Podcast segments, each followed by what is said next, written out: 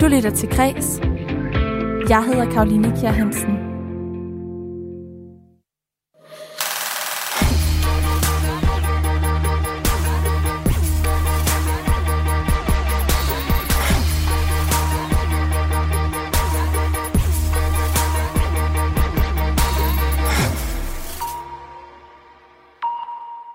Godmorgen og hjertelig velkommen til en time med alt det bedste fra denne uges kreds. Godmorgen til dig, der lige er stået op. Godmorgen til dig, der allerede er ude på vejene. Og også godmorgen, god eftermiddag, eller skulle jeg sige god aften til jer, der lytter med på podcasten, alt efter hvornår på dagen I lytter med. Kreds er Radio 4's daglige kulturprogram, som sendes alle hverdage mellem 14 og 15. Men her hver lørdag morgen, der samler vi en håndfuld highlights til dig, der lytter med. Og i dag, der er det altså mig, Karoline Kjær Hansen, der har fået fornøjelsen af at udvælge og sammensætte de bedste klip fra Kreds i denne uge. Og det er altså blandt andet et interview med onkel Rej, fordi han er aktuel med et nyt live show herop til julen. I programmet der kommer du også til at høre, hvorfor øhm, det ofte er reglen frem for undtagelsen, at bandmedlemmer i de bands, der ender med at blive kæmpestore og få et, for eksempel et internationalt gennembrud, de som oftest også ryger op i det røde felt internt og ender øh, i en masse konflikter bandmedlemmerne imellem.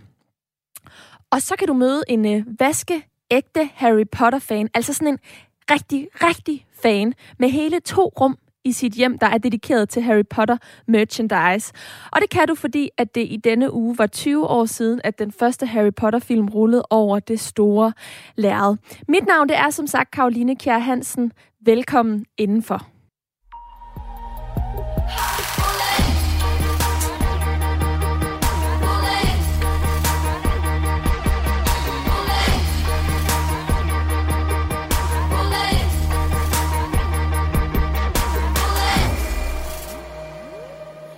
Men vi begynder udsendelsen med en af de helt store historier fra Kulturfronten i denne uge.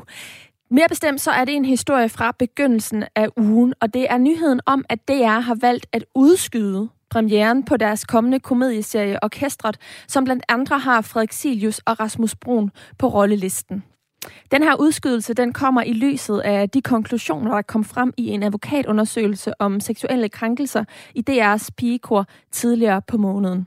Advokatundersøgelsen den viste, at en lang række medlemmer af pigekoret har været udsat for krænkelser øh, af en seksuel karakter. Og der mener derfor, at serien her, det er altså dårlig timing, fordi serien, som som sagt har titlen Orkestret, behandler emner som lige præcis sexisme og magt. Serien den er øh, skudt fra januar til sommeren 2022, og øhm, det er produktionsselskabet bag ærgerlig over. Det fortalte producer og direktør ved Sam Productions, som altså står bag serien, Meta Sørensen hedder hun til min kollega Toke Gripping i mandags. Og omvendt så øh, kender vi jo ikke omfanget af krænkelserne og hvor alvorlige de er. Øh, så vi ved jo ikke helt, hvad det er, Danmarks Radio sidder med i hænderne. Og, og derfor så kan vi ligesom kun vælge at konstatere, at de gerne vil bevise den til sommer, og det kan vi være glade for. Og så have tillid til, at de har taget den rigtige beslutning for at passe på serien. Øhm, og håbe på, at det er den rigtige beslutning. Men hvad har I fået af, af begrundelse fra, øh, fra DR selv? Øh, vi har fået den begrundelse, at det vil være øh, tonedøv at sende den ud lige nu og at det til gengæld er rigtig vigtigt, at vi kan sende den på et andet tidspunkt, fordi det er vigtigt, at Danmarks Radio kan beskæftige sig med de her emner som sexisme og inkompetent ledelse i MeToo-sager osv. Hvilket er noget af det, vi er inde på i serien, uden at jeg vil afsløre for meget om vores kønsserie, som vi glæder os til at vise jer. Ja, fordi øh, er, der, er der noget i, i den her serie, som I selv har, øh, har tænkt på forhånd, at, øh, at det kunne være øh, problematisk i forhold til, at den skulle udkomme til, øh, til januar? Nej, altså det er jo en fiktionsserie, som ligger virkelig langt fra, øh, fra den virkelige historie, og det er skrevet længe inden der var nogen af os, der kendte til noget som helst omkring pigekursagen. Øh, så den er egentlig skrevet ud fra øh, arbejdspladser generelt øh, og mediebranchen øh, og det kendskab til, til, til store mediehuse og sådan noget generelt. Så den er, den, er, den er ikke skrevet baseret på, på nogle konkrete ting, og det, øh, vi har derfor ikke på noget tidspunkt tænkt, at det kunne være et problem. Altså, er der overhovedet, øh, er, der, er der noget, hvad skal man sige, pige, pigekor med i den her serie? Nej, det er der ikke. Der er et orkester. Det er derfor, den hedder orkestret. Du lytter til Græs. Jeg hedder Karoline Kjær Hansen. Og det gør du her på Radio 4, hvor hver lørdag morgen er dedikeret til highlights, altså de bedste klip fra denne uges Kreds Radio 4's daglige kulturprogram. Og nu skal vi fra en konflikt til en anden. Fordi i den her uge, der fik en ny musikdokumentar premiere. Aha, The Movie hedder den, og den handler om øh, det populære band, som stod bag hittet Take On Me. Men i den her dokumentar, der kommer det frem, at bandmedlemmerne her 35 år efter deres gennembrud stadig er uvenner. Altså, de spiller sammen, de øh, bliver bare kørt rundt i hver deres bil med hver deres garderobe, når de er på turné. Det, der er ret interessant ved den her historie, det er, at aha, øh, bandet er langt fra det eneste band med store konflikter internt. Det har blandt andet også øh, været tilfældet for bands som øh, Pink Floyd eller Sort Sol. De har eksempler på store bands, der øh, er i konflikt øh, internt, vel at mærke. Dem så øh, Maja Hall, som er Kreses faste vært, nærmere på i onsdags, og det gjorde hun sammen med musikjournalist Nils Pedersen. Allerførst så spurgte hun, øh, bare lige til at begynde med, hvorfor den her tendens til konflikter i populære bands overhovedet er et fænomen. Ja, det handler om kreative mennesker. Og kreative mennesker, der bliver sat ofte under pres, de ender med at blive uvenner. Altså, jeg tror ikke, der findes ret mange bands, man kan sige, er virkelig velfungerende. Jeg tror, at øh, 95 procent af alle bands, der findes derude, de er dysfunktionelle på en eller anden måde. Hvad enten det handler om, at de er uvenner med hinanden, eller nogle gange bliver det så også forstærket af misbrug, eller alkohol, eller dårlige turnéer og økonomi og den slags. Men jeg tror, det ender med, at man ender med at ryge tollerne på hinanden, når man tilbringer rigtig meget tid sammen, meget tæt på hinanden. Og samtidig så er der nogle egoer på spil, når det handler om kreativitet. Det er simpelthen opskriften på at blive uvenner. Og netop det her med egoer, der kommer i spil, det er en af de historier, som øh, vi skal tale om øh, lige om lidt. Men generelt set, så siger du ligesom, at, at øh, folk bliver presset, fordi der er, er masser af succes, som øh, også splitter folk. Eller hvordan, ellers? Ja, det kan der jo gøre. Altså, succes kan jo føre ting med sig, føre en masse gode ting med sig, ikke? men det kan også føre øh, strid om for eksempel rettigheder eller penge. Hvem bestemmer mest? Hvem skal have den største del af kagen? Det er også en mulighed, som kan gøre, at man kan blive uvenner i et orkester. Men tit handler det jo rigtig meget om, at man tilbringer enormt meget tid sammen, hvis man er i et band. Typisk et band, som nu handler det lidt om aha, ikke? Mm. Altså, de bruger først rigtig mange år på ligesom at finde ud af, hvordan de skal være aha, hvor de bor under kummerlige forhold og ikke har nogen penge og slider og slæber og tror, at alting bryder sammen, og så pludselig lykkes det. Der har de allerede slidt på hinanden i den fase. Derefter bliver de sådan en verdenssucces og skal rejse verden rundt 3, 4, 5, 6, 8, 10 gange meget tæt på hinanden, hele tiden også med egoer i spil, jamen altså, det er simpelthen vejen til at, at blive mega uvenner. Og i den her nye dokumentar om Aha, Aha The Movie hedder den, som udkommer i morgen, jamen der jeg møder vi jo netop øh, de tre unge fyre, Paul, Magne og Morten, og øh, hvordan de sådan, vi møder dem, og hvordan de lykkes med den her umulige drøm om at blive Norges første internationale popband. Og så, se, så ser vi jo altså også øh, de personlige og kreative dynamikker i bandet, der skaber mange gnidninger og konflikter imellem dem. Og øh, jeg havde introen her i et lille eksempel. Lad os lige prøve at folde det ud. Det handler om Magne, der, er, der spiller keyboard, og han fortæller øh, for eksempel her, at han, han faktisk var meget utilfreds med, at han skulle spille keyboard, fordi han ser mere sig selv som øh, guitarist. We tried it with two guitars for a while, but I felt that it didn't really gel. Ja, her er det øh, Paul, vi hører, sige, at han synes ikke, det fungerede med to guitarer, og derfor så foreslår han Magne at spille øh, keyboard. Det var dramatisk, det. Jeg var jo guitarist. Og det er han ikke så glad for. Paul så siger så, at det, han havde jo ret i, at Magne skulle spille guitar. Han havde det som en fisk i vandet, da han først fik gang i keyboardet. Because he took to it like fish to water. It didn't take him more than a couple of rehearsals where suddenly he came up much more stuff on that than that he had done on the guitar. Nej, jeg følte ikke, at det var sådan fish to water. Ja, her siger Magnus jo bare, nej, jeg havde det overhovedet ikke som en fisk i vandet. Jeg synes virkelig, det var irriterende, at han skulle uh, skifte. Det ville vært liksom smertefullt på et eller andet niveau. Det kostede mig lidt at snu om den i huet til liksom Det hadde vært mindre om å, å være keyboardist, liksom. det blev sådan, og vi øh, fik det til at funke. Det var ikke hans drøm om at blive... Øh, altså, hans drøm var at blive øh, guitarist og ikke keyboardist, som han siger. Men det blev sådan, at vi fik det til at fungere. Og øh, selv her mange år efter konflikten, så lever den stadig. Altså, Niels, er det ikke rigtigt, at man sådan kan høre på Magnes stemme, at han, han er ikke okay med den situation? Nej, det er, jo, det er jo ganske vildt, ikke? fordi i dag er det jo nogle nydelige, midaldrende mænd. Ja. Den her situation omkring, hvem der skal spille hvilket instrument, udspiller sig til de unge teenager. Øh, så det handler også noget om, at når man er i den her verden, så øh, husker folk altså rigtig mm. godt. Ikke? Det er lidt, Altså et band er jo ligesom alle mulige andre arbejdspladser.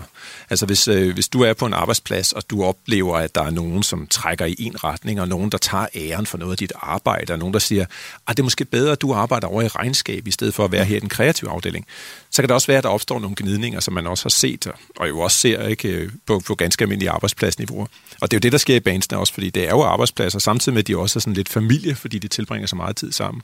Og så har du den her kreativitet og hobbyvirksomhed oveni, som gør, at man nemt kan blive uenig specielt om øh, de her ting. De to personer her er også uenige stadigvæk om mm. præcis, hvem der har retten til nogle bestemte melodier og sådan noget. Ikke? Så det er, det er ikke noget, man sådan lige umiddelbart slipper, når man er i den her verden. Og til sidst i den her dokumentar, der får vi så at vide, at bandet aldrig rigtig har været baseret på venskab, men i stedet musikken og respekten for hinandens talenter, som øh, der trods konflikterne stadig holder dem sammen i dag. Jeg synes, det er ret vildt, at man orker at øh, tage rundt på turné, når man egentlig ikke synes, at hinanden er særlig rare at være sammen med. Ej, det er, jo, det er jo ikke helt det, de siger. De siger, at de respekterer hinandens ja, musikalitet. Respekterer ikke? Men, ja. men øh, altså, jeg tror også nogle gange, at vi som, som lyttere øh, tror, at bands er bedre venner end Klart, klart. Altså, vi, vi vil jeg gerne have... med bandsene, altså, vi, vi, vi, vil gerne, vi vil gerne have, når øh, når, når de ankommer på scenen, at de ligesom ankommer som sådan et, åh, det, det, det er vores venner, ikke? og de er venner med hinanden, og se, hvordan de klapper hinanden på skulderen osv. Men altså, hvis man kigger efter i nogle af de allermest dysfunktionelle orkestre, der har været, ikke, så har de jo hadet hinanden som pesten. Ikke? Altså, et eksempel, man behøver ikke være særlig mange for at være uvenner. Øh, det engelske band Test for Fears, de er to, Øh, og de overvis har de ikke talt sammen, vel? Og så øh, de kører altid i hver, hver sin bil, de har hver sit omklædningsrum. De kontakter hinanden via advokater. De har så for nylig faktisk begyndt at tale sammen igen. Men ellers, øh, efter den ene mistede sin kone, og der er pludselig nogle andre ting, som begyndte at opleve på det, men ellers har de ikke i overvis haft nogen som helst form for kontakt, og alligevel har de turneret og spillet, fordi der er jo selvfølgelig også indtægter at hente. Og det er jo også en anden del af sagen. Jamen, jeg kan godt se, altså, Niels, du er i gang med at pille mit øh, smukke billede af, hvordan musikere har det fuldstændig fra hinanden. De hader hinanden. Ja, det gør de. Nielsen, skal vi prøve at bore i nogle af de mange andre eksempler, der findes på bands, øh, hvor der bare er masser af konflikter. Vi skal høre om øh, Metallicas midtvejskrise, Sort Sols alfahane-kamp, og hvordan en, ja, en slags kønsskifteoperation på en ballongris blev en del af løsningen på øh, Pink Floyds konflikt. Men først, Niels Pedersen, så synes jeg, vi skal tage Fleetwood Mac. For øh, nogle bands, så betyder de her konflikter, at vi som fans, modsat i tilfælde med AHA, ikke kan forvente at se den originale holdopstilling, når de optræder. Træder. Og det gælder jo for Fleetwood Mac, i band, der har haft rimelig mange udskiftninger gennem tiden.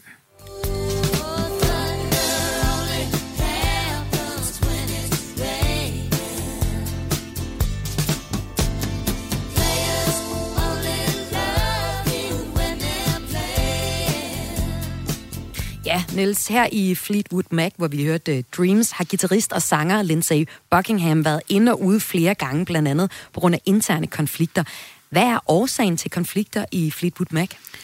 Det er de klassiske konflikter, som så i det her tilfælde bliver forstærket helt vildt. Altså gruppen er præget af jalousi, af konkurrence.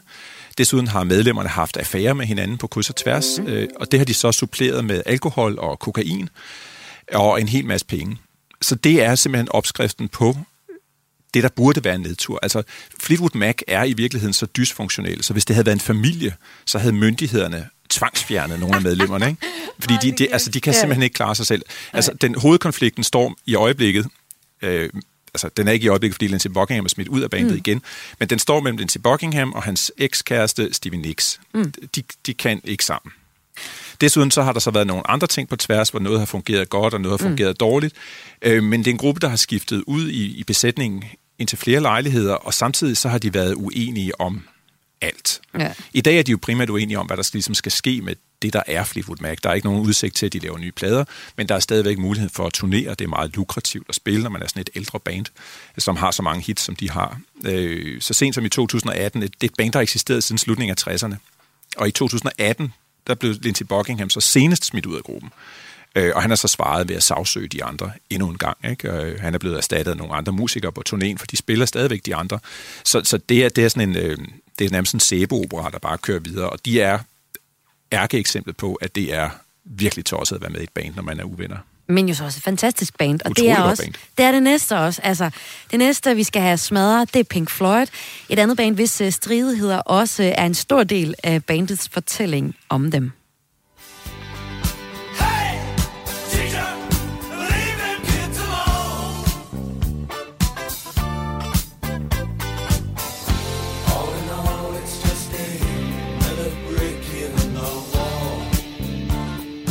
Ja, Pink Floyd de gik i opløsning i midt-80'erne på grund af interne konflikter, og øh, kæmpede efterfølgende om rettighederne til navnet Pink Floyd, og også brugen af den ikoniske flyvende gris, hvor øh, en slags kønsoperation på ballongrisen blev, eller grisen her blev, øh, blev løsning. Hvad var det, der gik galt med, med Pink Floyd?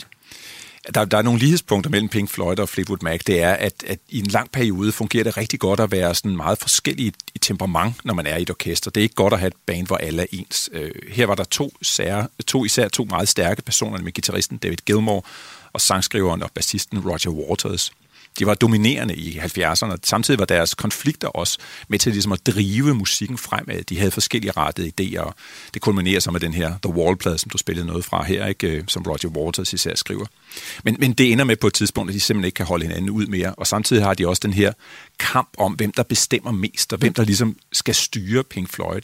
Og i 85, der øh, sagsøger Roger Waters øh, sine gamle bandmedlemmer, øh, siger, at de ikke må få lov til at anvende gruppenavnet. Han taber sagen, øh, og senere har de andre lavet et par Pink Floyd-plader. De har også været på turné siden.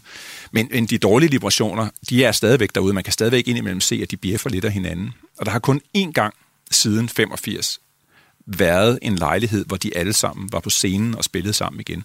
Og det eneste, der kunne få Pink Floyd samlet igen, det var det, der hed Live 8, som var en, en stor øh, velgørende arrangement, der var i London i, 1900, i 2005.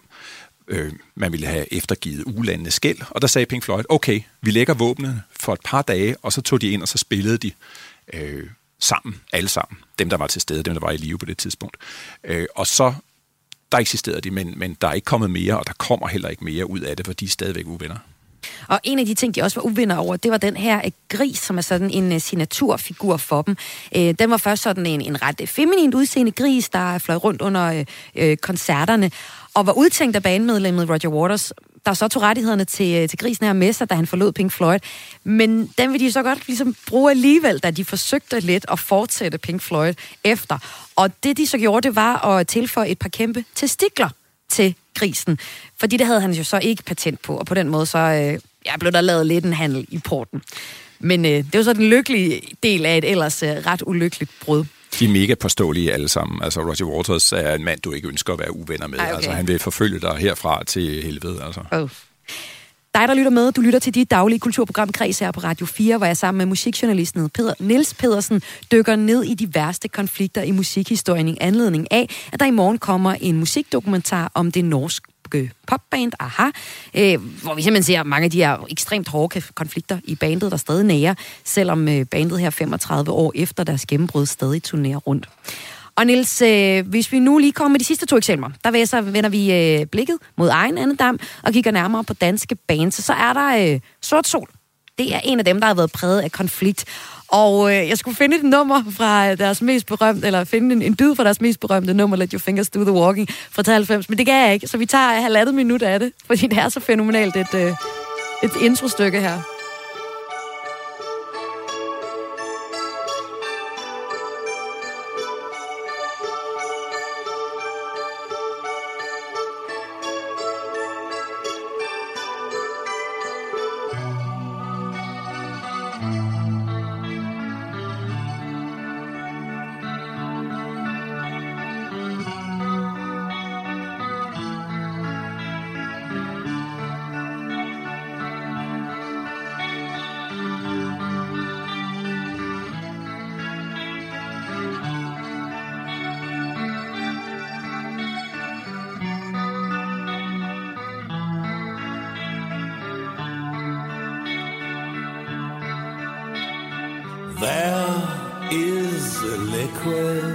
Sky all over the world.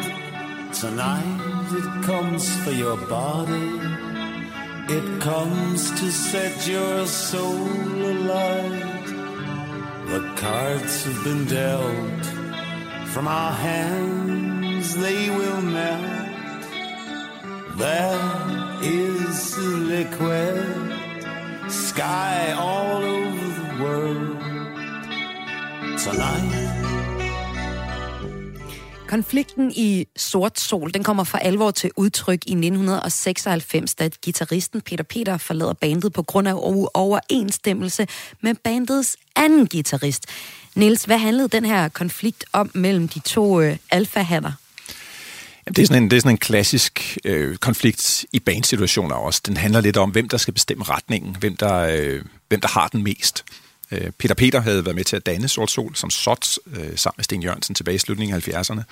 Øh, senere kommer Lars Topgalia ind, som har spillet et andet band, og de bliver sådan sammen sådan et virkelig, virkelig godt band. Øh, enormt drive, øh, finder ny lyd, bliver også større, end de har været nogensinde.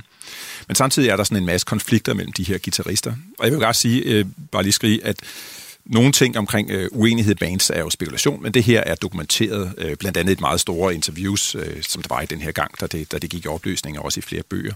Og det, der sker på et tidspunkt, det er, at Peter Peter, som er, også er en temmelig stedig person, han, øh, han får nok. Øh, han mener, at de andre bagtaler ham. Han mener især, at Lars Top bagtaler ham. Han siger, at han ude i byen har hørt, at han taler grimt om ham, osv.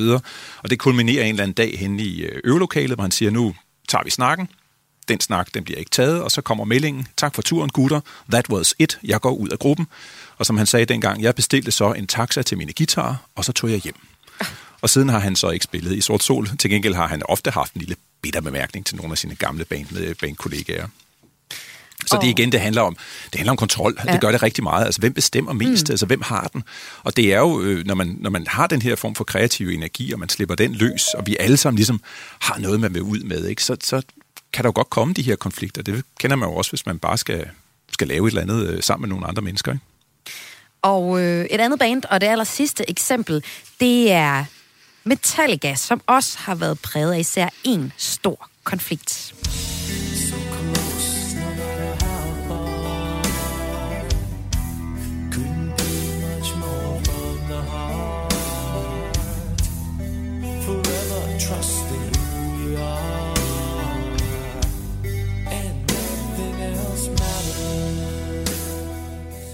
Nothing Else Matters fra 1991 hørte vi her. Og den store konflikt i Metallica, den øh, bliver portrætteret i dokumentarfilmen Some Kind of Monster fra 2004, og handler om indspillingerne af et album fra 03. Filmen viser øh, bandets interne stridigheder og hvorfor bandet var så tæt på at blive opløst. Perioden, øh, som filmen udspiller sig i, der har trommeslageren Lars Ulrik senere betegnet som bandets midtvejskrise. Nils, hvad handlede den her midtvejskrise i Metallica om? Jamen, øh, den handlede om, at gruppen simpelthen var ved at falde fra hinanden. Den daværende bassist ville have større indflydelse. Øh, han var utilfreds med sin status i orkestret. Det falder så sammen med, at øh, forsangeren James Hetfield øh, bliver sendt til afvinding. Og på det tidspunkt, der er Lars Ulrik og gitarristen Kirk Hammett simpelthen i vildrede. Hvad skal der ske med os? Vi ved simpelthen ikke, hvad der foregår. Og det de så gør, som øh, andre bands har kigget på med gru lige siden, det er, at de hyrer en terapeut. Det er en ting, men de filmer også det hele. Og det vil sige, at øh, Metallica er i terapi, parterapi, bandterapi i 715 dage i starten af nullerne. 715 dage. Og det bliver kernen i den dokumentarfilm, der hedder Some Kind of Monster. Jeg har mødt musikere, der siger, at de simpelthen ikke tør se den her film, fordi de er ret sikre på, at det kommer til at gå alt, alt for tæt på noget, de selv har oplevet. Det, det, man kan så sige, at terapien ender med at virke, fordi de finder en ny bassist, de kommer til at indspille et nyt album, og selvom James Hetfield har haft flere tilbagefald, så er han stadigvæk en meget, meget vigtig del af den her øh, orkester. Øh, der sker også det lidt sjove undervejs, at terapeuten mener, at han bliver så vigtig en del af det, at han nærmest øh, ønsker at få credit på det næste album. Øh, og det er på det tidspunkt, de indser, at okay, vi er kommet igennem den her fase. Tak for denne gang, Phil, som han hed. Og så ryger han ellers ud, og så er Metallica ellers på skinner igen. Men det er en, øh, det er en ret voldsom film, og den er enormt interessant at se, også hvis man paralleliserer den med Aha-filmen, mm. fordi øh, de har ikke rigtig nogen øh, parterapeut ind i billedet her. De har en manager, der forsøger at male indimellem, men det går også galt. Så øh, det kan godt, øh, man kan godt komme virkelig galt afsted, selvom man tror, man skal hjælpe. Og det er altså det, man kan se i den her øh, musikdokumentar Aha, The Movie, der øh, kommer i morgen. Og Niels Petersen, nu har du også givet os yderligere fire eksempler på øh, bands, hvor der er rigtig meget konflikt, og der er jo et utal flere. Altså Oasis er vi jo ikke engang kommet omkring. Et brødrepar, der stadig er udvenner i øh, det band. Og faktisk også, hvis man spørger dig, så er det ikke sådan genrebestemt. Altså, der kan være konflikter i alle typer genre. Men er der egentlig nogle af de her konflikter, der... Altså, altså er der, du sagde, at 95 procent af alle bandsene, de har konflikter. Er de her konflikter fuldstændig uundgåelige, en uundgåelig del af at være et band, eller, eller kan der egentlig gøres noget for at undgå dem, eller i mindst at afhjælpe dem på forhånd? Sådan? Altså, jeg, jeg tror simpelthen ikke, man kan undgå dem. Jeg tror, det er, det, det er en del af pakken, at man er uvenner. Men det, det, det er der noget af det, som gør, at bands kan overleve det. Det er, at man har en klar øh, arbejdsfordeling. Altså, hvis man ligesom på forhånd har afgjort, hvem er det, der bestemmer mest. Ja. Og man har ligesom har afgjort også, hvordan deler vi øh, indtægterne, og hvem, hvem er det, der har den sidste Altså, hvem har retten til at sætte foden ned? Hvem har retten til at sige, at vi går den vej? Så kan det afhjælpe nogle ting. Det er ligesom på alle mulige andre arbejdspladser. Ikke? Altså, nogle gange kan det være meget smart at have en uh, chef, som, uh, som udstikker retningen. Det behøver ikke være en diktator. Det kan godt foregå i fællesskab. Men en gang imellem, så kan det være meget rart, der kommer en og trækker en streg i sandet og siger, nu stopper vi med konflikterne, vi har det her band at tænke på, som er vigtigere end alt. Det kan nok måske hjælpe nogen, men øh, samtidig ved man også godt, at det kan også godt ende med, at band pludselig bliver til tre soloprojekter, ikke? hvis det bliver for, stri- for stringent og for stramt. Så lød det fra dig, Niels Peter, musik, Pedersen, undskyld, musikjournalist og radiovært. Tusind tak, fordi du var med her i Græs. Det var en fornøjelse. Du lytter til Græs. Jeg hedder Karoline Kjær Hansen. Og det er et sammenklip af denne uges Kreds Radio 4's daglige kulturprogram, som sender alle hverdage mellem 14 og 15, som du lytter til lige nu. Og det gør du, fordi hver lørdag morgen, der øh, samler vi en håndfuld highlights fra ugen, der gik til dig, der lytter med. Og nu lægger vi altså konflikterne på hylden for nu i hvert fald. Fordi nu skal det handle om noget lidt mere mundtet, eller i hvert fald komisk og barnligt. Nemlig onkel Rai. Onkel Rai er aktuel med et øh, nyt live show her op til julen. Onkel Rejes julefis hedder det. Og i den forbindelse, der var han gæst i Kreds i tirsdags i det faste portrætformat, vi har, som hedder Stjæl som en kunstner. Stjæl som en kunstner er et format, der bygger på devisen om, at øh, de gode kunstnere, de låner, men de rigtig gode, de stjæler. Og det handler derfor om kunstnernes inspirationskilder. Onkel Rai kan jeg afsløre, stjæler fra spasmæren Troels Trier, som blandt andet var en af dem, der var med til at stifte kunstnerkollektivet Røde Mor tilbage i 60'erne.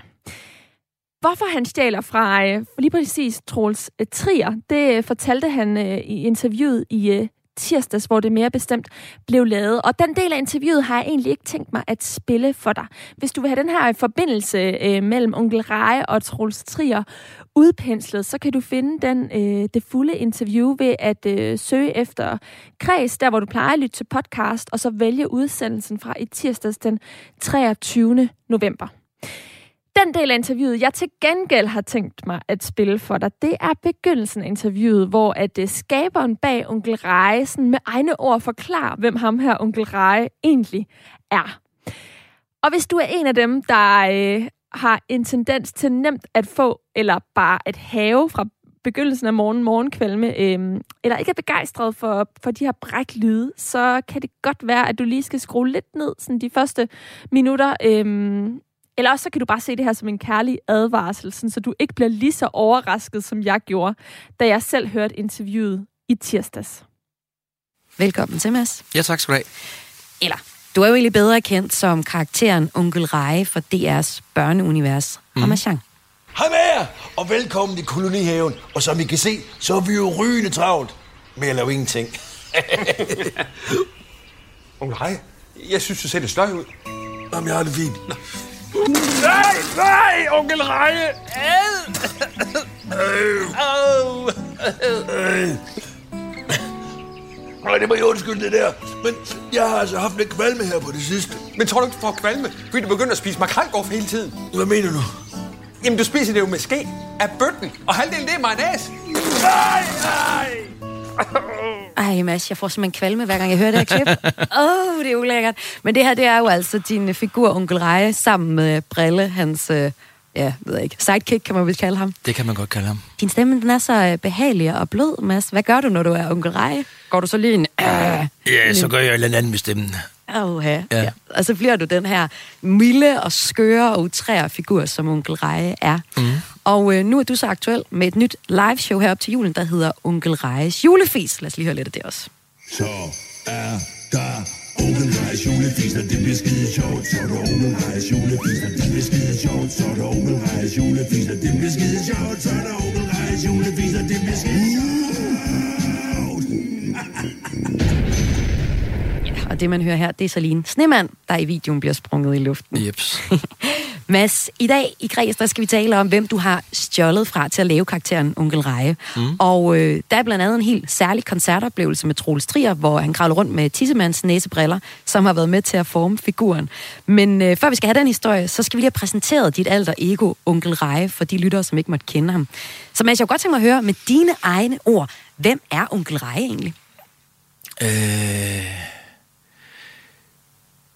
Altså, hvis man skulle sige noget sådan meget sådan, hvad hedder det, vidt løftigt om, så, så er han jo en frihedskæmper. Øh, han er jo en, der sådan hele tiden øh, slår mod de, hvad hedder det, besnærende begrænsninger som livet og samfundet og alt det, der sådan, hvad kan man sige, kommer imod os. Øh, øh, slår han mod forhold til sådan at, at føle sig fri og bevægelig og... Øh, og det kan være sig i sproget, det kan være sig i forhold til de grænser, vi nu har sådan vedtaget, hvad man må og ikke må, og det kan også være sådan i forhold til sådan nogle ting, som man måske slet ikke tænker hører til i børneverdenen, men kønsroller og, øh, hvad hedder det, øh, normer, ja.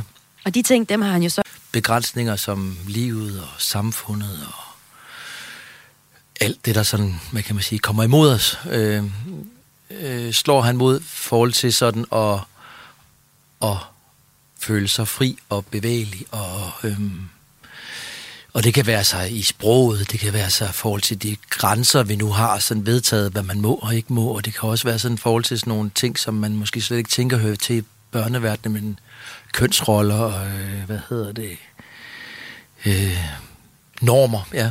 Og de ting, dem har han jo så udfordret i forskellige uh, serier. Der er blandt andet Onkel Reje og Børnenes Brevkasse, Onkel Reje, mm. Mhm. Sørøvershow og Onkel Rejes Heavy Band. Hvis du skulle, skulle beskrive uh, Onkel Reje, hvordan, hvordan, hvordan klæder du dig ud, når du skal klæde dig ud som Onkel Reje? Jamen, det er faktisk meget forskelligt. Altså, Onkel Reje er også en mand på rejse, fordi den Onkel Reje, man møder i Børnenes Brevkasse, som var det første program, ja. øh, er jo en helt anden Onkel Reje, end den, der findes i dag. Så det er jo en, en program, eller en, en øh, figur, som udvikler sig sammen med programmerne. Øh, og at, øh, hvad kan man sige, han bliver faktisk ældre i takt med, at programmerne også bliver ældre. Altså, øh, at han i brevkassen fremstår meget barnlig og, og hvad hedder det, ureflekteret øh, og lidt som et barn øh, med i en voksen krop, så er han jo i det program, vi lige har lavet nu, Onkel Rejs Fede Sommerferie, jo, øh, en meget, meget stor bevidsthed om, hvor han er øh, i samfundet. Han ved, at han hører til i bunden af samfundet. Han, han ved også, at han har stemt socialdemokratisk hele livet, og han nu er skuffet over dem, når han ikke kan få lov at komme på hospitalet, fordi han blev gravid. Øh, så han ved lige pludselig en hel masse ting, som han ikke vidste dengang øh, vi startede med ham. Så han er jo en, der også hele tiden både øh, skifter udseende, men også skifter, øh, hvad hedder det, alder. Og hvordan har du så klædt dig ud som ham øh, her til juleshowet? Jamen nu, øh, jamen der, der har han faktisk mange forskellige kostymer på. Der træber han ikke så meget ind på nogle af de, hvad kan man sige, øh, tv, hvad hedder det, kostymer, som han benytter sig af. Så der han, der har han sit, øh, er han sit eget univers. Men der er jo i hvert fald skægget og det rødmossede ansigt. Der er skægget og det rødmosede ansigt og brillerne, som er sådan nogle, nogle konstanter. Men ellers er det, så er det hele egentlig, hvad hedder det, op i luften. Og det, Danmarks Radio har jo sådan en, øh, en marketingsafdeling, som jo gerne vil, øh, hvad hedder det, have, man, man helst ser ens ud, så de kan være med at fremstille, hvad kan man sige, deres produkter og deres øh, reklamer for ting og sager, som hvor rejse ud på en bestemt måde. Men her, i vores verden, så ser han altså forskelligt ud fra, fra sæson til sæson og til, hvad han skal, skal opleve. Men han er øh, senest, som vi kender ham, altså den her øh, øhm, godmodige, men også lidt grænsesøgende, øh, tykmaget mand med et stort skæg, der bor for eksempel i sommerferien her, boede han i sit kolonihavehus, hvor der var rimelig rodet og rimelig meget ja. lossepladsstemning derude. Og, han, og det er han ligeglad med. Han går på kant med det, og han går efter... Han, han er i hans følelsesvold hele tiden. Kunne man ikke også sige det? Jo, og han også, i det her program, der har vi jo besluttet, at han var en mand, som skulle møde sine følelser. Han, altså han simpelthen skulle, de følelser, som vi så lige så stille har implementeret i ham, bliver han lige pludselig bekendt med. Han, han får en erkendelse af, at han faktisk gerne vil være... Øh, øh, altså han, han finder ud af, at det du hørte i starten med, han sad kastet op, det er jo fordi, han havde morgenkvalme og øh, var blevet gravid. Ja. Det var øh, ikke makralguffen, det var fordi, Det var ikke makrel, det var ja. simpelthen en morgenkvalme, så han er blevet gravid og, bliver, og finder jo ud af, at han faktisk ønsker sig et barn. Øh, og, og, og spoiler alert, så er det jo en indbilsk graviditet, så det er jo en historie, der handler om en mand, som faktisk har et ønske om at være noget for nogle andre. Og så er der jo det øh, med historien, at, at samtidig flytter Krølle, øh, den store dreng, ind hos ham, øh, fordi hans mor er kommet i fængsel for at tæve en fra hans klasse, øh, flytter ind hos ham, og sideløbende så bliver han jo også en slags far for den dreng her. Så den dreng, det barn, han ikke føder, det får han jo lidt i den relation, han har til Krølle, og den erkendelse får han jo også. Øh, så det er også en, udover der er en, altså hvad kan man sige, hele det værdimæssige øh, boksekamp, øh, at hver program har sin egen lille, hvad kan man sige, observans omkring øh, verden og samfundet, så er det jo også en, en sådan opbyggelig historie om, om det at, at øh, erkende, hvem man er, og, og, og blive, hvad hedder det, dus med ens øh, eget indre liv. Og du beskriver i virkeligheden også grunden til, at uh, Onkel Reje er blevet populær for både børn og voksne, fordi der er flere lag i uh, mange af jeres uh, seneste udsendelser i hvert fald. Udover Onkel Reje, så er der også børn med i programmerne, og så er der også skuespiller Brian Lykke, der har lidt forskellige roller. Mm. Blandt andet karakteren Brille, Ja. selvom man ikke har briller på. Ja. Karakteren Mormor eller skurken Dr. John, der laver børn om til skønhedsprodukter. Ja. Og øh, Mads, så er der også en særlig tone i dine programmer. Øh, vi kan lige prøve at høre Onkel Rejes sørøvershow, og så jeg godt tænke mig, at, at du beskriver stemningen i det her indslag. Hej, onkel Drej, der sker noget forfærdeligt. Min storbror er taget til fange af en mand med høj hat og bar mave. Åh, oh, oh, det bliver hans farmor nok ikke særlig glad for at høre. Han skal komme hjem før aftensmad, ellers så bliver min mor sur. Bare rolig. Vi skal nok befri din store bror inden aftensmaden. Tak, onkel Drej. Det lød godt nok som Dr. John. Ja, han er den eneste, jeg kender, der går med bare mave og høj hat. Ja, og som fanger børn. Ja, og koger dem om til skønhedsprodukter. Brille, hvad er det nu et skønhedsprodukt, det er? Jamen, det er sådan noget som cremer, shampoo. Jeg tænker, det giver skønhed. Ja. Ja, ad, siger onkel Reje til skønhedsprodukter. Prøv lige at beskrive, Mads, hvad er øh, stemningen i, den her, i det her indslag? Øh, øh, hvad kan man sige, hvis man sådan, nu sidder jeg jo og hører det for første gang i mange år, Ja. men, men det, det tydelige er jo, at ideen er, at jeg skal sige, at børns liv er, består af en masse små ting, som er store dramaer, så, øh, så det banale i, at man skal komme hjem inden aftensmad, bliver jo samtidig også til en kidnapning, som er, er liv og død. Så det er jo det, der øh, det dobbelte i den information, vi har her, det er jo, at, at barnet øh, er bekymret, fordi en storbror er blevet taget til fange, men man skal være hjemme inden aftensmad. Så det er jo det der med, at hvad handler det om det her? Er det, er det, er det, er det hvad hedder det, at man er ved at komme for sent hjem fra en lejeaftale, eller Mm. er det, at man rent faktisk er blevet taget til fange? Og det er jo det, der er det fantastiske ved børnenes liv, det er jo at, at, at tabe ind på og være en del af. Mm. Øh, Jeg er selv en hel del unger. Øh, Det er jo, at, øh, at, at i, der er så mange hvad kan man sige, store dramaer i de små, og hvis man, hvis man holder øje og kigger, så, øh, så er det jo et, øh, hvad hedder det, en guldgruppe af, af historier og observeringer. Du har faktisk uh, gratis inspiration uh, lige derhjemme. Ja, og så også, øh, altså, nu er jeg jo selv, hvad kan man sige, jeg synes, jeg, et af mine hvad hedder det, talenter, det er jo så at være barnlig, Mm. øh, og, og selv at kunne forestille mig verden, øh, ud fra sådan en, øh, hvad hedder det, øh, blåøjet, eller øh, øh, som om man ser den første gang. Øh, Mm. så, så øh, men det, det, det, et eller andet sted, så er det jo sjovt nok, fordi det er ikke, fordi det er vildt sjovt, det miljøet, men, men det rammer egentlig meget godt det der med, at, at der, der ligger flere lag, der er både barnets lag, og så er der også det, det, det, det så også kunne handle om, øh, som er, det, er nogle af de større, sådan, svære ting i livet, også at altså, øh, når det handler om skønhedsprodukter, så handler det jo lige pludselig også om noget omkring sådan nogle idealer, som man som barn og, og også som voksen bliver præsenteret for, som man jo øh, hvad hedder det, må jo, hvad kan man sige, øh, give børnene en ramme og forstå det i, og, og, og også stille spørgsmålstegn til, hvad skønhed er. Øh, Øh, og det er jo sjovt, fordi skønhedsprodukter bliver jo lavet af, måske ikke af børn, men så også tit af, af dyr, ja. som vi også holder af. Mm. Så, øh, så, så, så, så, så det, for os er det jo, eller for mig, er det jo meget det der med at finde, finde en masse, hvad hedder det, kilder til historien, og en masse, hvad hedder det, altså ligesom det banale med et løg, der har mange lag, man, mm. det er sjovt at pille det fra hinanden, og så se, hvad det egentlig øh, har at sige, i stedet for, at, at altså, man måske bare præsenterer en brud og en lakridspibe, og så siger man, så er det for børn. Der skal være noget mere i det også, ja. Ja, det synes jeg. Og øh, Mads, det var så onkel Reje og stemningen. Og inden vi lige kommer til, hvordan uh, onkel Reje-figuren er blevet inspireret af Troels Trier og den her tissemands brille, glæder mig rigtig meget til, øhm, så skal jeg også lige høre om noget om det æstetiske udtryk, for det betyder altså også en del, for mig i hvert fald, når jeg ser onkel Reje-showsene. Mm. Øh, for eksempel det her Sørå-show, vi lige øh, hørte en bid af, det er meget tydeligt animeret, sådan ekstremt animeret, med sådan en fake baggrund, der er noget vand og en båd. Øhm, også i din øh, seneste serie, Onkel Rejes Fede Sommerferie, der er det også en animeret kolonihave, I sidder i. Det er kun badekarret, for eksempel, som er gennemgående, som er et rigtigt badekar, men det er ligesom indsat scenografi. Altså, jeg gætter på, at I optager simpelthen foran en green screen. Jeps. Hvorfor skal det være den her lidt kiksede æstetik, vil nogen kalde det? Øh, altså, det er jo... Billigt. det er jo skide dyrt i virkeligheden. Okay. Øh, eller det er skide dyrt i forhold til at de budgetter, som man har til at lave børnefjernsyn med. Så vi har jo, vi har jo opfundet en, en måde at lave fjernsyn på, som nok ikke andre. Altså, der er, alle bruger green screen, men vi er jo et lille bitte, meget, meget lille bitte hold af, mm. af gamle venner, og vi er jo måske i virkeligheden 5-6 stykker, der, der arbejder på det her program, øh, og har alle mulige hatte på. Øh, så, så hvad kan man sige, det er virkelig det forhånden, øh, forhåndenværende sømsprincip, eller hvad det nu hedder, øh, vi opererer med. Så, så, så vi kigger i pengepunkten, og så ser vi, hvor, hvor langt kan vi komme væk fra virkeligheden, eller hvor meget kan vi selv få lov at bestemme øh, virkeligheden, fordi lige meget hvordan man vinder det i forhold til at fjernsyn, så skal man ikke køre ret langt i en bil med et kamerahold, for man også bruger en masse penge.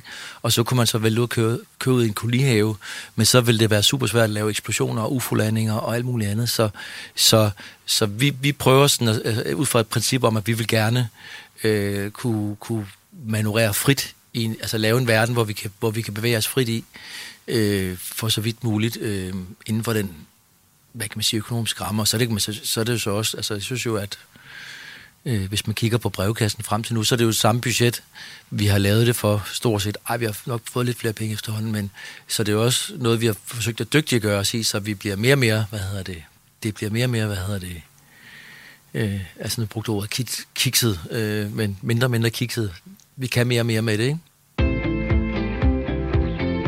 Du lytter til Græs. Jeg hedder Karoline Kjær Hansen.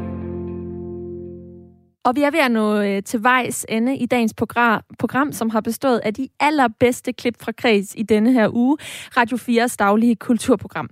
Men inden vi er helt færdige, så skal vi lige nå at øh, vende et øh, andet univers end Onkel Reje-universet. Øhm, og det er et magisk et af slagsen, nemlig Harry Potters. Fordi i tirsdags, der havde den første Harry Potter-film, Harry Potter og de vises sten, 20 års jubilæum. Det er altså 20 år siden, at den havde øh, biografpremiere, og i den anledning, der talte Kreses første vært, Maja Hall, med en vaskeægte Harry Potter-fan.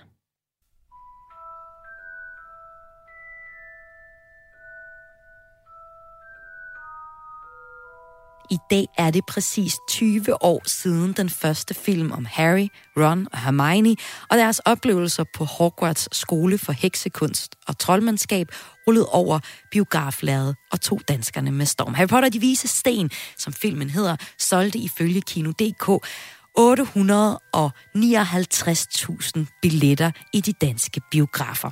Og en af dem, der var inde og se den her film, det var dig, Michael Bredal Carlsen. Velkommen til Kreds. Mm, tak. Og det er dejligt at høre musikken, ikke? Jo, det er skønt. Maiken, du er skolelærer, og så er du også stor Harry Potter-fan. Du har for eksempel fortalt os, at du i dit hjem har Harry Potter tryllestave for cirka 40.000 kroner. Hvor meget fylder Harry Potter? Rundt regnet. ja, rundt regnet. Hvor meget fylder Harry Potter merchandise i dit hus, Maiken?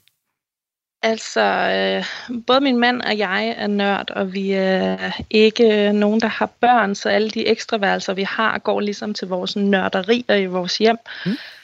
Øhm, og øhm, i den sammenhæng, så havde jeg mit eget øh, Harry Potter-rum, mm. hvor jeg har alle mine nørderier, men det er altså vokset ud af nu. Øhm, så øh, nu har jeg så to rum ja. med øh, min Harry Potter-samling i, hvor min mand jo så har øh, to tilstødende lokaler med hans nørderier. Jamen, det er jo helt vildt. Og jeg ved, at du blandt andet har glasskabe med tryllestavefigurer øh, og mønter også, og alt muligt.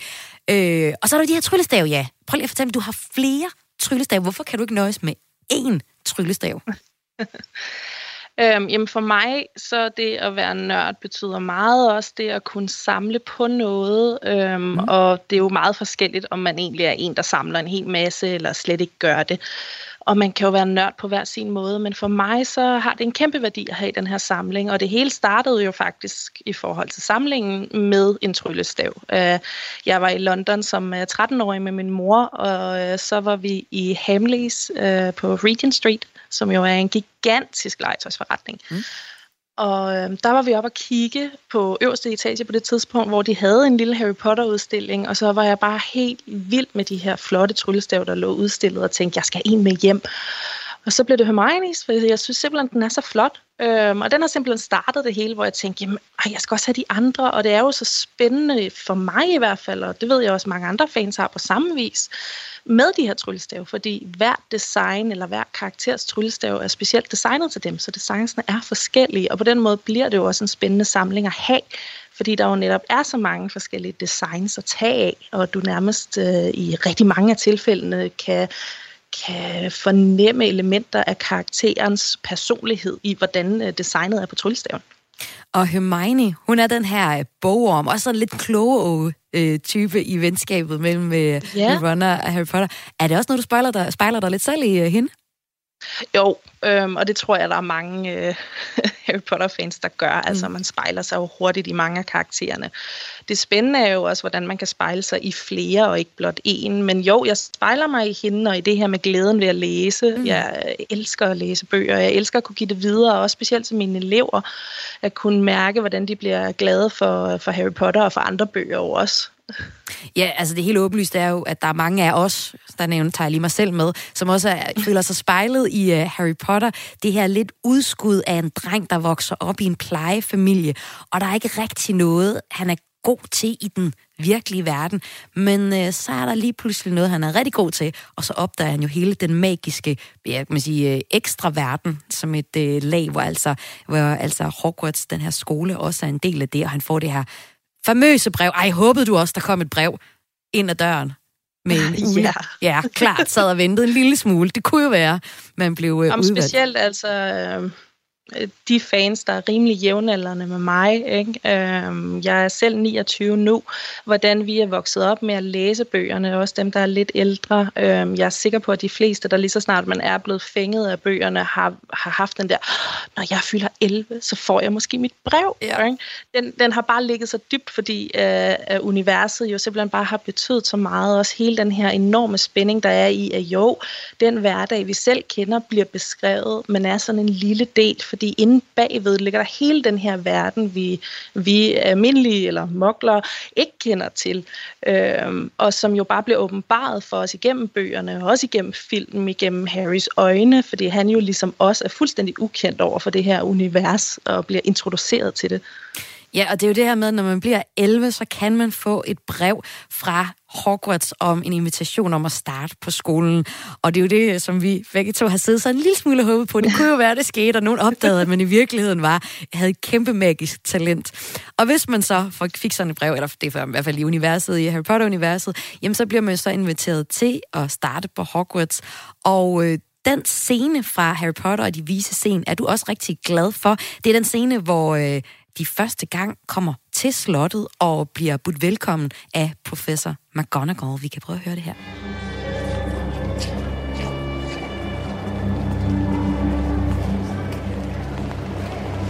Welcome to Hogwarts.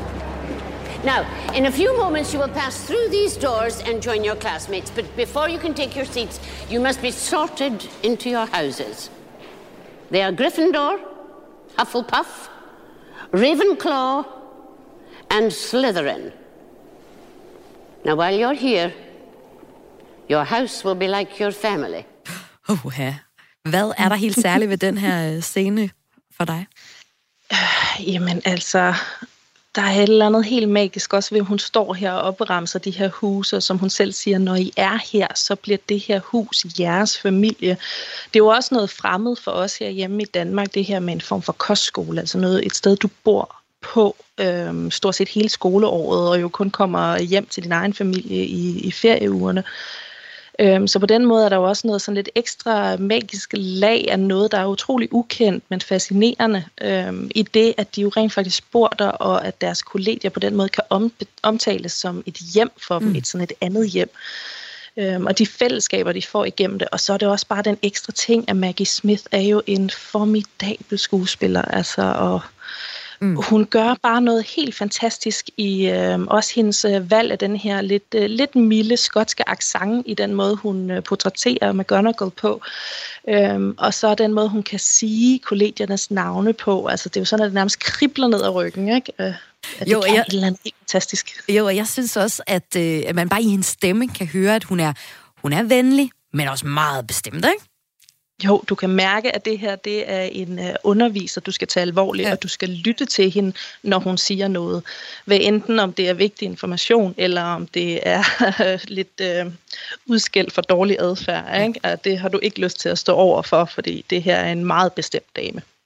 I alt så er der lavet øh, otte film om Harry Potter-universet, og filmen er baseret på syv bøger skrevet altså af den britiske forfatterinde J.K. Rowling. Både film og bøger er blevet kæmpe succeser verden over.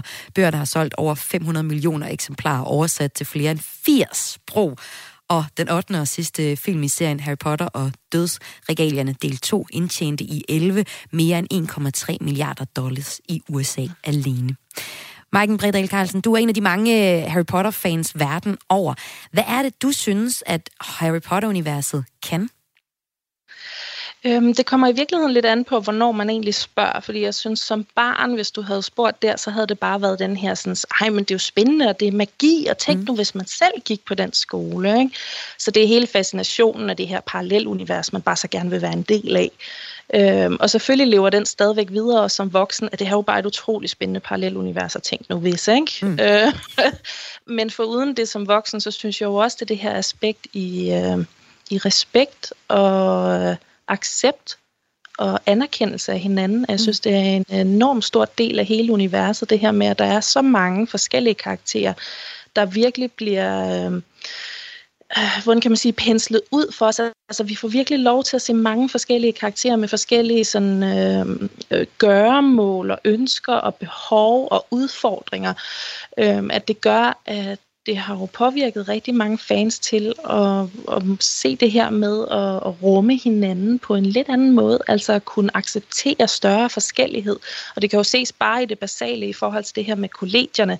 At kollegierne er meget beskrevet til, at hvis du er modig, øhm, så er du en Gryffindor, og hvis du er en snu person, der vælger dig selv først og fremmest, så er du Slytherin, men det er ikke nødvendigvis sådan, som vi fans ser det, fordi mm. vi har bygget videre på det i virkeligheden, ja. og har set, at mennesker er ikke sort og hvid, at vi indeholder mange forskellige egenskaber, og det samme må så også gælde alt efter, hvilket kollegie du så er fordelt på. Ja. Maiken, nu taler vi sammen i dag, fordi du er kæmpe Harry Potter-fan, men så også fordi der er, det er præcis 20 år siden, den første Harry Potter-film havde premiere i de danske biografer i dag præcis. Den sidste Harry Potter-film, den havde så premiere i Danmark i juli 2011. Hvordan mm. var det for dig at se den sidste film? Det var en øh, overvældende og fantastisk, men også meget øh, følelsesmæssigt hård oplevelse at være igennem. Øhm, fordi man jo sidder derinde og ved godt, når man går ind til den her film, det er den sidste, og nu er det slut. Ikke? Mm. Øhm, jeg kan selvfølgelig ikke tale om, hvad de får, eller hvad J.K. Rowling får af sjove idéer i fremtiden, men altså, den bogserie, den sluttede der, og filmserien sluttede der. Ikke? Så du vidste jo fra starten af, at nu gik du ind til afslutningen, og det, var en uh, meget blandet oplevelse. Ja. Så bare da logoet, Warner Brothers logoet, dukker op i starten, øhm, så sad jeg, og det kunne jeg fornemme, at der var flere i den her fyldte biograf i midnatspremieren, der også gjorde. Vi sad og græd, mm. fordi det var sidste gang, at vi skulle høre musikken tone op, og vi skulle se Warner Brothers logoet i forhold til Harry Potter-filmene dukke op, og øh, filmtitlen dukke op, og det var sådan en, nu er vi i gang, nu kan vi ikke komme tilbage, nu skal det slutte. Ja. Øhm, og da det så også slutter af, og, og, og rulleteksterne begynder at rulle, var jeg færdig igen. Jeg øh, hylede nærmest. Jeg kunne slet ikke være i det, og det var overvældende, for jeg havde ikke regnet med, at jeg ville reagere så voldsomt. Øhm, men det var også en helt speciel stemning inde i biografen, fordi du kunne mærke det fra alle de andre filmgængere ja. derinde, at der var den her stillhed, fordi man prøver at kvæle sin gråd. Maiken Bredal Carlsen, tusind tak, fordi du var med i Kreds i dag her på Radio 4. Men tak, fordi I kontaktede. Og jeg vil også sige tusind tak til dig, der har lyttet med i dag. Det her, det var alt, hvad vi nåede for øh, highlights fra Kreds i øh, denne her uge. Hvis du kunne lide noget af det, som du øh, hørte og gerne vil have mere af det, så kan du tune ind på kanalen her hver evig eneste hverdag mellem 14 og 15, hvor Kreds sender Radio 4's daglige kulturprogram. Det er spækket med nyheder og perspektiverende historier hver evig eneste dag. Og hvis du ikke kan vente helt ind til mandag, hvor vi sender igen næste gang, så kan du gå ind og finde alle Kredses udsendelser som podcast, lige der, hvor du plejer at lytte til podcast. Hvis du har et tip til en historie, som du mener, at vi her i redaktionen bør kaste os over, så send en mail til kreds-radio4.dk. Det er k r a e s radio4.dk. Og så er der vist ikke mere tilbage, end at sige rigtig god lørdag til dig.